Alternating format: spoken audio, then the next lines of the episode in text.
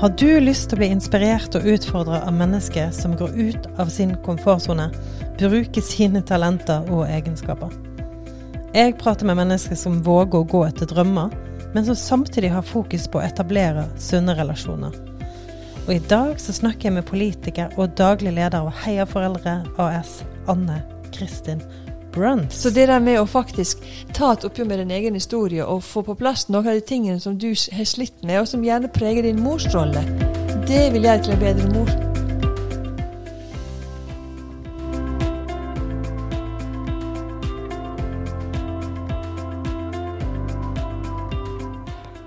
Hallo, hallo. Hallo, hallo. Så bra å ha deg med. Nå er vi jo hjemme hos deg, i ditt hjem. Ja, Litt sånn fun facts, fakta om deg. Hvem er du? Anne Kristin Bruns. Um, 58 år. Bor på Hinna i Stavanger. Jeg vokste opp på en gard på Sunnmøre, da, så jeg håper, håper dere forstår min sunnmørsdialekt. Så fin dialekt. Ja, ja, ja. Eldst av fem, så det var jo mye ansvar, og på en gard så er det jo ganske mye som skal skje.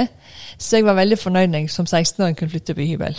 Og da var jeg fornøyd med meg sjøl. Så Ja. jeg har vært veldig selvstendig i hele livet, egentlig. Etter hvert kom jeg til Stavanger, utdannet barnevernspedagog. Traff mannen min her, og gifta fire barn. Ja, og en fun fact som jeg bare må legge til, er jo at du kan sovne midt i en samtale. Uffa da. Ja, det er helt sant. Ja. Jeg, eh, jeg er veldig kveldstrøtt, da. jeg er vel A-menneske, som det heter på fint. Eh, slik at jeg kan faktisk sovne når folk snakker, og det er veldig ubehagelig. Og jeg bare vet at når jeg blir veldig trøtt, så må jeg reise meg opp og gå og forskjellige ting. Men en gang så sovna jeg på do mens vi hadde gjester. Så sov jeg igjen. Uff, ja, det er jo sånn. Og så er jeg så trøtt om kvelden, jeg er jo helt utslitt. Så da spør jeg samme spørsmålet om igjen og om igjen. Hvorfor spør du sånn, mamma? Sover du? Nei, nei, nei, nei, nei. nei. Jo, selvsagt sover jeg imellom. Det er jo er sånn godt den morgenen nå, da. Mm, det er Ja. veldig bra. det Nå skal jeg ikke sovne. Nei. Så grunnen til at jeg vil snakke med deg, det er både at du er opptatt av relasjoner, men du er òg opptatt av å gå etter sine mål og tørre å ha en stemme i samfunnet. Du er jo òg politiker, og du har starta et eget foretak som heter Heia Foreldre. Så du har jo tørt å skapt en arbeidsplass, du har tørt å ha en stemme i samfunnet, som òg er veldig spennende. Hvis vi først begynner å snakke litt om dette med familie, fordi for meg som på utsiden har observert dere som familie, så har det gjort ganske dypt inntrykk å se den godheten og kjærligheten som er mellom dere og barna. Og ikke nok med det, det er en vanvittig fin godhet der, men dere er engasjert på alle plan, i politikken, samfunnet, kirken. Dere er med å skape store ting. Samtidig så ser dere barna, men dere ser òg meg. og jeg har jo vært naboen deres, og bare har alltid følt at jeg kunne komme innom, tatt en prat, tatt en kaffe. Så det der overskuddet til å se folk, det har bare vært veldig inspirerende, interessant og godt å observere og være en del av. Fantastisk at du sier det, da. For det er jo ikke alltid jeg føler det er sånn. Det er jo ikke alltid jeg føler at jeg har det overskuddet. Men det er et eller annet den der eh, Når du liker folk, da, liker å være med folk, eh, og setter pris på det, så krever ikke så mye av deg. Jeg har jo av og til blitt veldig trøtt av å være så engasjert, og nesten slitt meg ut, og måtte tatt noen viktige valg på at jeg faktisk må ta vare på meg sjøl òg, midt oppi det hele. Så det er jo ikke slik at vi for en- i enhver tid har folk her, eller alltid er på. Vi må kunne trekke oss tilbake og faktisk hente oss inn og finne energien tilbake. Og det er jo veldig viktig. Um, og det er jo en del av òg, sånn jeg opplever dere, at dere er selvbevisste. Dere er bevisst på hva trenger vi nå. Mm. Hvordan kan Ja. jeg ta vare på oss sjøl eller familien? Men det har jo vært, vært en lang prosess, da. For det er klart at når du får barn, så er det jo liksom det at dette skal vi klare sammen. Dette er noe vi skal gjøre i lag. Husker jeg sa til han eldste gutten vår, han var helt, helt nyfødt, og jeg var helt utslitt etter fødsel. Så har jeg en armene mine, så har jeg en videoklipp av det, så derfor vet jeg at jeg sa det. at uh, dette skal vi klare i lag. Så holdt, holdt jeg han sånn i armen kroken og sa vi skal klare det sammen, Markus. Det er en ny vandring. Et nytt liv vi begynner sammen. Og det er på en måte vært litt det å klare det i lag. Eh, også må jeg og mannen min klare det i lag. Det er ikke noe jeg skal gjøre helt alene. Så det er klart at eh, i en periode så opplevde jeg at jeg møtte veggen. Jeg sov for lite, tok for lite hensyn til meg sjøl, var, var ikke aktiv, bare liksom gønna på, som de sier på godt norsk. Og da måtte jeg stoppe helt opp.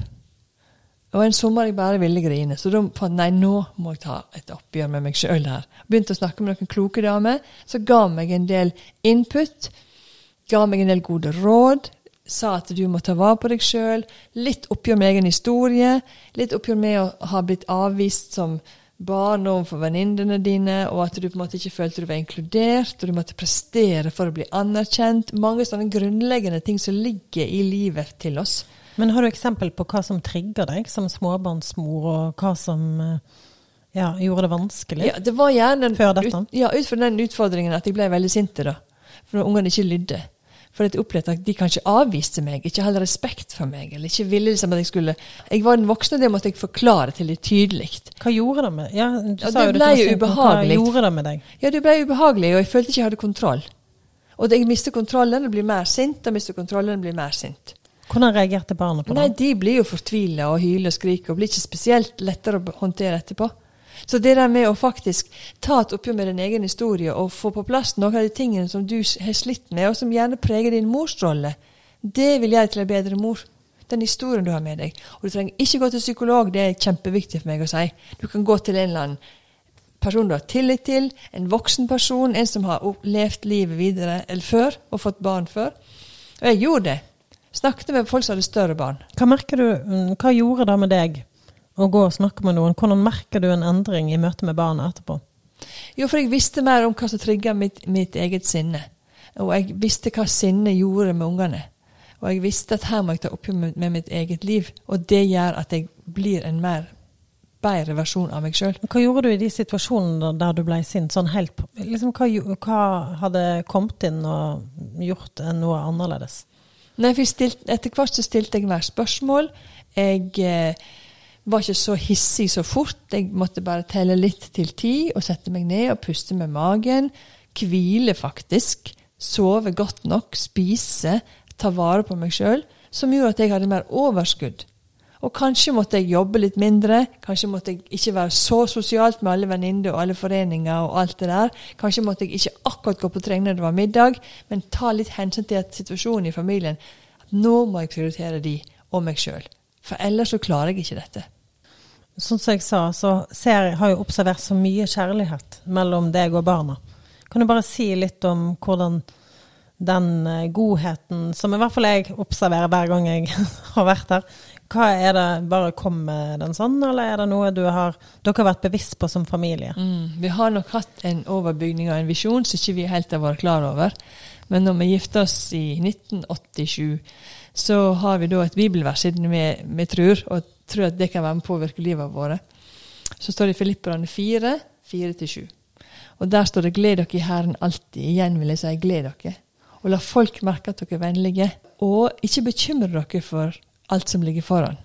Men be til Gud, og vær takknemlige. For å si det litt sånn oppsummert. Og det har nok vært en visjon som vi har hatt med oss, uten at det var så bevisst. Det er blitt mer bevisst etter hvert at dette faktisk bygde en kultur i vår familie. Hvordan ser det praktisk ut å bygge en sånn kultur? Nei, du kan jo si at eh, hvis vi tar eh, Vi er opptatt av anerkjennelse. Å se hverandre, se gullet i hverandre. Det har vi gjort praktisk ved å ha en anerkjennelsesrunde når vi har bursdager. Vi har også hatt anerkjennelsesrunde når vi har hatt besøk, slik at vi lærer å anerkjenne hverandre rundt bordet.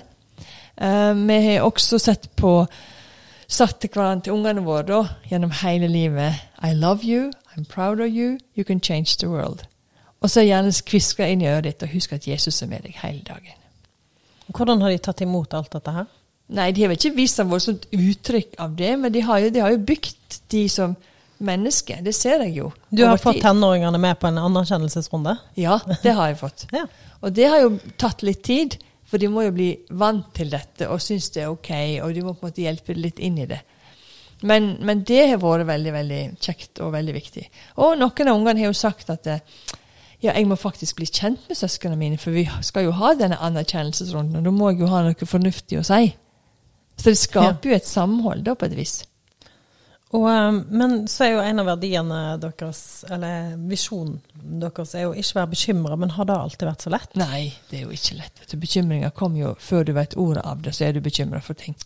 Hvor skal det gå? Hvordan skal jeg klare å være mor? Og hvor skal det gå når du begynner på, i barnehagen? Og hvor skal det gå når du begynner på skolen? Og hvordan er det med vennene? Og så når du blir tenåring, da klarer du ikke dette her. Så det vil jeg bare si at vet du hva, dette vil du klare. Men samtidig så må du også legge vekk de bekymringene. Bare liksom legge de vekk. for min del har jeg vært delaktig på Gud, og, og det har vært enorm trygghet for min del. Og jeg har mer eller mindre holdt meg fast i stolen når ting har vært utfordrende. Særlig russetida, og særlig ting når det var sånn litt sånn krevende periode. Men også dette her med at når ungene ikke har det så greit med venner, kanskje blir de mobba, eller kanskje blir de utestengt Det der med å snakke med dem og se dem inn i øynene når de forteller sjøl, og når de er sjøl klare for å fortelle. Og da må vi som familie ha tid til å være sammen. Ja, og noe av den mest krevende egenskapen, det er vel da å legge vekk sitt eget ubehag eller sin egen bekymring for barnas situasjon i møte med barna. da. For er det Ja. ting jeg opplever at barna plukker opp, det er hvis foreldrene er bekymra. Ja, da blir de helt Og da stenger de sånn av, og da får du jo ikke kommet inn med de rådene og de, den godheten man ønsker, da. mm. Mm, nei, Så har du, noe, har du kjent på det, at det har vært vanskelig sjøl? Ja, klart jeg, jeg Når jeg opplevde at jeg som lita jente ikke nødvendigvis var inkludert i venninnegjengen, så var jo ikke det gans vanskelig for meg når da ungene mine opplevde noe av det samme. Så fikk jeg jo all min bekymring og all min historie kom og tilbake som en sånn bumerang til meg. Og så ble jeg bekymra, ble jeg redd, og så ble dette her en sånn vond sirkel. Så det jeg måtte gjøre det er klart Når du er to stykker i en familie, så kan jeg si til Stiv vet du hva, dette må du ta deg av. For dette er, her trigger så mye i meg at jeg klarer ikke dette. Og det gjorde han til dels. Og samtidig måtte jeg òg gå, gå i meg sjøl. Hva er det jeg er bekymra for nå? Hva er det jeg ser nå? Jo, nå ser jeg denne avvisningen som jeg opplevde. Nå må jeg hjelpe ungen min til å ikke få en større belastning. Jeg må snakke med dem om det. Ja, mamma også har vært opplevd dette da jeg var lita. Det går fint. Bare ha tro på deg sjøl, eller bare tenk, vet du hva, det er, går godt an da. Det er ikke sikkert de mener det sånn, eller prøv, prøv å snakke med ungene dine om det. Still noen spørsmål, og prøv å komme med litt sånn egne refleksjoner og egne erfaringer. Så det er jo litt sånn interessant at du og Stiv har fordelt litt, da. Hvis Ja. man kjenner sjøl at man blir trigga. Mm. Ja, jeg måtte ha gjort det. Ja, det er jo veldig verdifullt. Og så tilbake til det med å si gode ord, da. Og du har jo òg nevnt tidligere det med kjærlighetsspråkene. Så man gjerne Ja, man forbinder det jo òg gjerne med i en parrelasjon, men det gjelder jo absolutt til barn òg. Har du Ja. merka at det, eh, barna dine trenger ulike former for ja. kjærlighet? Altså, jeg har fire unger, og de er veldig forskjellige. Uh, og det er jo helt naturlig, fordi vi er forskjellige alle sammen. Og kjærlighetsspråkene er jo både det med å ha nok tid til dem, det å gi dem gaver, det å på en måte oppleves av at det å få en gave betyr mer enn den fysiske gaven. At du Hvis noen gjør en tjeneste for deg, så er det veldig, veldig fint. Hvis du er fysisk nær, og hvis du sier anerkjennende ord. De fem tingene. Eh, og da, klart at, eh, da kan du oppleve at et av barna gjerne Du prøver å gi dem en klem, men de syns egentlig ikke det er noe særlig greit. Nei vel. Da finner du ut nei, det er ikke akkurat fysisk nærhet som er det viktigste for det barnet. Og da kan du tenke kanskje er det det å ha tid. Og så kan det være annen som bare elsker når du gir henne en klem eller et stykke på ryggen. Og da vet ja vel, dette. Og så kan det være at noen opplever at du ser de retter opp på ryggen når de får anerkjennende ord. liksom, Yes! Mamma ser meg inn i øynene. vet Du hva, du er utrolig flink med dine kompiser. Eller jeg ser at du ser de som har det vanskelig. Så bare blir de helt stolt. Eller at noen kan også si vet du hva, Um, du ser at de gir ga, de er veldig flinke å gi gave eller tegninger, eller enda mer enn kanskje de andre søsknene. Da kan det hende at de er opptatt av å få gave sjøl. Ja, man merker jo gjerne De avslører seg vel litt på hva de gir sjøl. Veldig ofte. Ja. Men så er det vanskelig hvis du har et helt annet kjærlighetsspråk sjøl. Jeg er jo ikke det der med fysisk nærhet. Det er ikke min viktigste kjærlighetsspråk. Så da må jeg bare gjøre det innimellom. For jeg vet at han eller hun syns det er helt fantastisk. Og hvor viktig tror du det har vært eh, Jeg tenker jo det med ord skaper, og da at dere har bevisst eh, sagt fine ting til barna deres og bygd tro på den de er i de hver eneste morgen gjennom hele livet deres. Hva effekt tror du det har hatt på livet deres? Nei, det, de har tro på seg sjøl. De har tro at de kan forandre verden. Ikke sånn uforskamma tro, men de har tro på at de kan være med og bety en forskjell, og at de er ubetinget elska, uansett hva de gjør. Nå kjenner jeg jo alle de barna dine, og bare ser hvor ja, hvor trygge de er, og hvor ja, de er virkelig med å, bygge samfunnet på ulike måter. Men eh, det er jo òg dette også som engasjerer deg med samfunnet. Sant? Og hvordan, eh, hvor viktig er foreldrerollen i samfunnet vårt, og hvor viktig er det å sette fokus på det? Tenk, har du noen tanker rundt det? Ja, virkelig. Og det er klart at dette Da vet jeg jo du har. Ja. nei, du Har du noen har tanker jo om det? Nei, men hvis vi tar litt historisk etterkrigstida og fram til i dag, hvis vi tar den f.eks., for, eksempel, for det er jo da det moderne velferdssamfunnet vokste fram. I etterkrigstida så ble det viktig å bygge samfunnet med solidaritet og det å være sammen og få ting til i lag. Og så har vi jo bygd velferdssamfunnet vårt, og så kom vi til 80-tallet ca. Ja, det er jo grovt sagt, men kom jappetida, dette her med å realisere seg sjøl og finne ut hvem er jeg, og hva, hva jeg har behov for, og alt dette her. Og så tror jeg noe nå i dag er det å bygge disse gode familierelasjonene. Jeg tror familien står under sterkt press, og jeg vet jo at eh, mor og far er de viktigste personene i ungene sine liv. Enten de sier det eller ei så er det enormt viktig hva mor og far mener, hva mor og far sier, hva mor og far gjør. Enten på godt eller vondt, uansett. Eh, derfor vil jeg framsnakke foreldrerollen og styrke den. Så vet du, hva, du må bare tro på deg sjøl, tro på magefølelsen din. Eh, du gjør en vanvittig god jobb. Eh, de aller fleste foreldre er gode foreldre. Det er noen få som må ha hjelp og ekstra hjelp, og de er vi til for, de skal vi hjelpe fram. Men de aller fleste foreldrene klarer å, å være gode foreldre. Var dette noe du savner sjøl, å bli mer heia på fra samfunnet sin Ja, Som mor, ja. Jeg tenker av og til på at nå har jeg opptatt fire barn, og jeg får jo anerkjennelse fra deg f.eks., eller fra andre som sier at vi ser din familie. Men på samfunnsnivå så er det ingen som klapper meg på skuldra og takker Ann-Kristen for at du faktisk har opptatt fire barn og gjort det til samfunnsborgere. Nyttige samfunnsborgere, eller hva du vil kalle det for.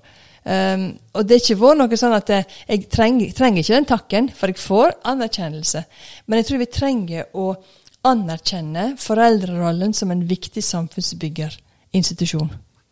Ja, Har du noen eksempel på hvordan du tenker at det kan se ut sånn i framtiden i samfunnet vårt? Hvordan kan samfunnet være med å anerkjenne foreldre på et, eh, på et høyere nivå? da? Ja, vet du, når vi snakker om, Det, det trigger meg da dette med Heia foreldre, spesielt i fjor, når det kom en, en analyse eller en rapport om hvor mange barn og unge som trenges å bli henvist til BUP, eller barne- og ungepsykiatri.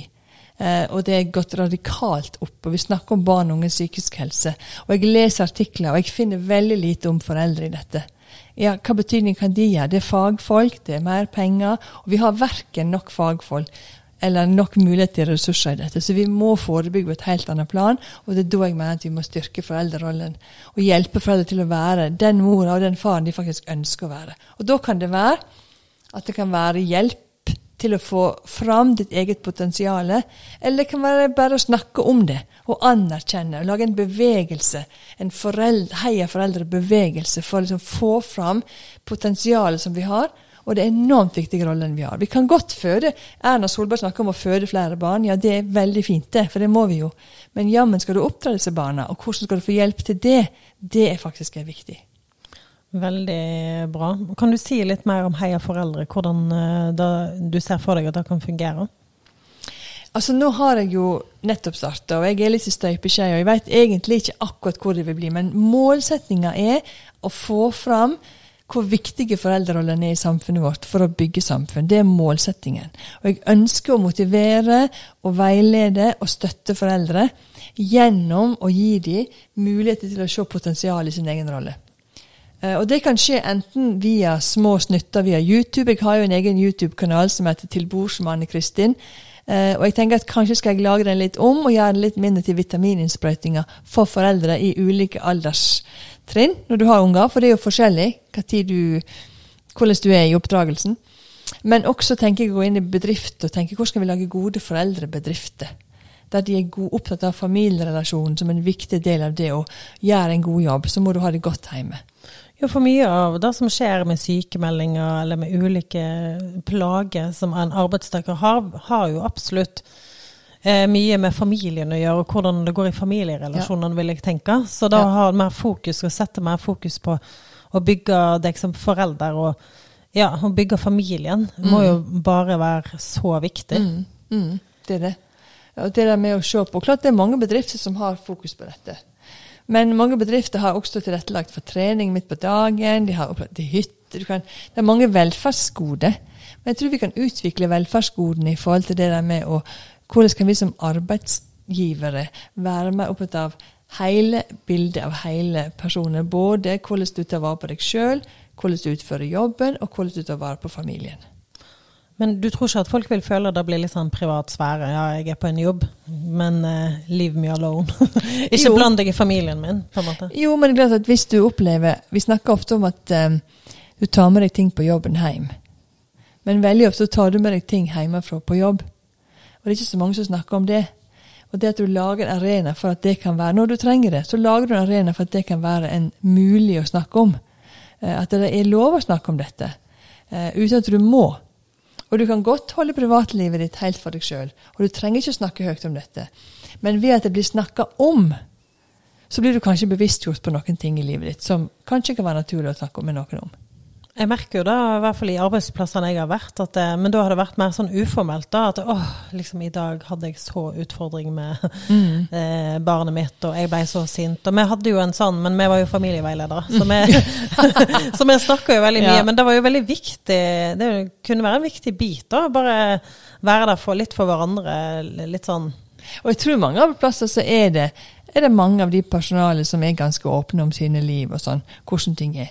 Eh, Og det må du variere, du må finne ut hva, hva, er din, måte å dele dette på. Men jeg tror at det hjelper å ha noen å snakke om situasjonen hjemme med. Og ikke bare klage og syte over ungene og alt som er galt og ting som ikke fungerer, men faktisk få litt hjelp. Og så tenker jeg litt på i kulturen eller i samfunnet i dag, så er det jo veldig mange samlivsbrudd som har skjedd. Har du noen refleksjon om hva, hvordan vi som foreldre kan møte barn som opplever samlivsbrudd i en familie, eh, på tross av det man sjøl står i? det? Hvordan tenker du man kan ivareta barna? Altså samlivsbrudd og altså, Det er jo et stor krise i familien. Eh, og det er alle enige om. Det er en stor utfordring. Um, og jeg tenker nok at det er lett for at vi som er voksne, gjerne ikke ser helt ungene sine behov. Og jeg leste en artikkel ganske nylig om det der med at selv om du opplever at du påfører ungene dine en del sorg eller en del utfordringer ved et samlivsbrudd, eh, så kan ungene ofte dekke over dette og være lojale og, og ikke på en måte ta det ut på deg. Men det å tillate ungene, ungene å være sinte, tillate de å være skuffa over deg, tillate de å si at vet du hva, dette mamma, jeg er, helt, jeg er så utrolig lei meg for at dette skjer. Å møte de på de følelsene tror jeg er veldig viktig. Og det er ganske krevende når du sjøl står i en ganske kritisk situasjon og en ganske traumatisk situasjon. Men hvis du klarer å møte ungene dine på følelsene, det de opplever, og legge til litt til side dine egne følelser og din egen dårlig samvittighet, eller din egen eh, hva det måtte være situasjonen. Og Det er mange situasjoner for at folk skiller seg, så det er ikke slik at jeg skal si at det er en lett, det er en ikke lett avgjørelse. Det er en krevende avgjørelse for mange. Men det å ta vare på ungene i dette er enormt viktig. Og jeg, litt uten sammenligning helt for øvrig, så hadde vi innbrudd i huset vårt. Det var traumatisk å komme hjem fra ferie, og huset var snudd på hodet. Det tok meg tre dager før jeg spurte ungene mine hvordan de hadde opplevd dette. Og det å faktisk snakke med ungene dine Og du har vært i den prosessen lenge når du skal i samlivsbrudd, men det kommer overraskende på barna. Du går gjerne i mekling, men der er ikke ungene til stede. Så det å ta vare på ungene i dette, la de oppleve at vet du hva, vi tar deg på alvor, det tror jeg er veldig viktig. Eh, dette er jo et annet tema, da, men jeg må bare skyte inn et lite spørsmål. Du og Steve har jo vært eh, gift hvor lenge? I 35 år snart. Har det alltid vært lett? Nei, nei, nei, nei, det har det ikke vært. Vi har ikke, har ikke hatt de store krisene heller, sant sett. Men vi har måttet jobbe jevnt og trutt. Vi har gått både på samlivskurs og gjort ting for liksom, å bedre situasjonen i heimen. Og noe av det som jeg har opplevd som det mest viktige for oss, det var at vi ser på hverandre som et team. Og hvis du tenker at du er på jobben et team, så er du hjemme et team òg. Og de tingene som du ikke fikser, men de fikser kanskje mannen din, eller omvendt. Slik at du utfyller hverandre. Og jeg og Steve vi er veldig forskjellige og har veldig forskjellige egenskaper. Og av og til så kommuniserer ikke vi i det hele tatt på ting. Men det som jeg ser han får til Han er veldig nøye og grundig og undersøker ting. Mens jeg er mer sånn eh, Det går litt fort, og det skjer litt ting, og jeg er veldig effektiv. Så jeg var så ekstremt irritert på han at han var så treg en periode. Så fant jeg ut det som han må gjøre i huset, han må skure gulvet. Han må male vinduskarmene. Så kan jeg male veggen som går fort. Og fare over med en støvsuger så de går fort. Kan, hva er det vi kan gjøre da for å utfylle hverandre? Nettopp. Og så er det jo òg Man har jo ofte visjoner for arbeidsplasser og organisasjoner, men man glemmer kanskje å ha en slags eh, visjon eller et mål for familien, Mm. ens egen familie. Og der har jo du og Stiv Virker som dere har klart å være sånn bevisste sammen etter hvert. Ja, etter hvert. Og det er klart, det var ikke i utgangspunktet en sånn helt klar tanke. Men, men det som vi fikk et bilde en gang av ei venninne av meg som sto der Et hus blir bygd av murstein og tømmer, men et hjem blir bygd av kjærlighet og drømmer. Og det fysiske rundt oss er viktig, ja, men den, det klimaet som vi har i heimen, det klimaet som vi skaper i heimen, så ungene kan få gro og vokse og bli sterke og robuste, det er det vi som voksne som er ansvarlige for. Klima i heimen. Vi snakker ikke om klimautfordringer ellers. Men faktisk må vi bidra til at vi har et godt, godt jordsmonn, snakker skikkelig bondespråk, eh, god gjødsel, røttene blir stødige slik at de kan klare å stå når de blir voksne. Og helt til slutt, du er jo ei dame som virkelig tør å ha en stemme. Du er i politikken, du skriver artikler i avisen eller innlegg. Du eh, starter nå ditt eget foretak Heia foreldre. Du tør å, bruke det potensialet du har blitt gitt for å hjelpe andre. Har du noen tips til andre som sitter og har òg tanker og mål, men de tør ikke helt å ha en stemme eller være synlig eller ja. Det er vel litt sånn trend i tiden, da. Å tørre å gå ut av båten og gjøre ting. Kanskje. Altså Det er liksom det her med, med gründervirksomhet. Jeg er nok en gründer, en sosial entreprenør, vil jeg kalle meg for. Uh, og jeg ønsker å se på nye muligheter og se på nye utfordringer. Og har du den tanken, du får en idé, du får en tanke, så um, har jo jeg tatt litt tid jeg, før jeg på en måte fikk uh, satt dette i gang. Men uh, ikke slipp taket på drømmen din. Den kan plutselig bli en realitet. Eh, og så tør å ta noen skritt, og det var et lang vei for meg å gå. Og jeg har fått med meg folk som har heia på meg, jeg har diskutert det med folk, snakket høyt om det, og da er det lettere å gå i gang. Og så er det liksom sånn Jeg husker første gang jeg skulle skrive i avisa. Så skrev jeg sammen med en professor på universitetet. Og det var veldig trygt og godt, for han på en måte hadde den faglige basisen, så kom jeg med mitt input. Det å gjøre ting sammen med andre i begynnelsen, etter hvert blir du mer og mer selvstendige. Så tør du mer og mer. Så ser du at jeg klarer å stå i dette. Eh, og så er ikke jeg den mest skarpe pennen, men jeg er opptatt av samfunnsbyggende ting. Og folk legger merke til det du skriver, eh, og tenker mm, ja, hun er jeg enig med, eller hun er jeg uenig med. Og det, du kan ikke være enig med alle. Sånn er det bare. Men det å tørre å gå ut av båten, tørre å stikke hodet litt fram, da kan du faktisk få på pukkelen. Det kan du. Du kan bli kritisert. Men jeg tenker det er med på å gjøre oss sterkere. Veldig bra. Og hvis folk ønsker å lære mer av deg, eller følge mer med på eh, det du har å si, hvordan kan de komme i kontakt med deg, eller hvordan kan de følge med? Ja, de kan følge meg på Facebook og Instagram. Jeg er ikke så god på Snap og disse andre sosiale arenaene. eh, ellers så har jeg jo både telefonnummer og, og mailadresse. Um, og så har jeg også YouTube-kanal som heter, heter Telebordsmannen Kristin. Og jeg kommer til å komme og utvikle den videre. Ja, og hva snakker du om der? Der snakker jeg om det å være mødre i ulike situasjoner, og det å heie på foreldre. Ja, det er veldig flott. Tusen takk for det du delte, Anne Kristin. Veldig inspirerende å kjenne deg. Takk i like måte. Og det er jo derfor jeg vil at andre skal kjenne deg, og, Mm, og, og bli inspirert av um, den, det du tør, og ikke minst den familien du er, har bygd sammen med mannen din. Og du, jeg tror dere har så mye inspirerende og godt dere kan formidle videre til andre. Så tusen takk at du ville dele her. Tusen takk.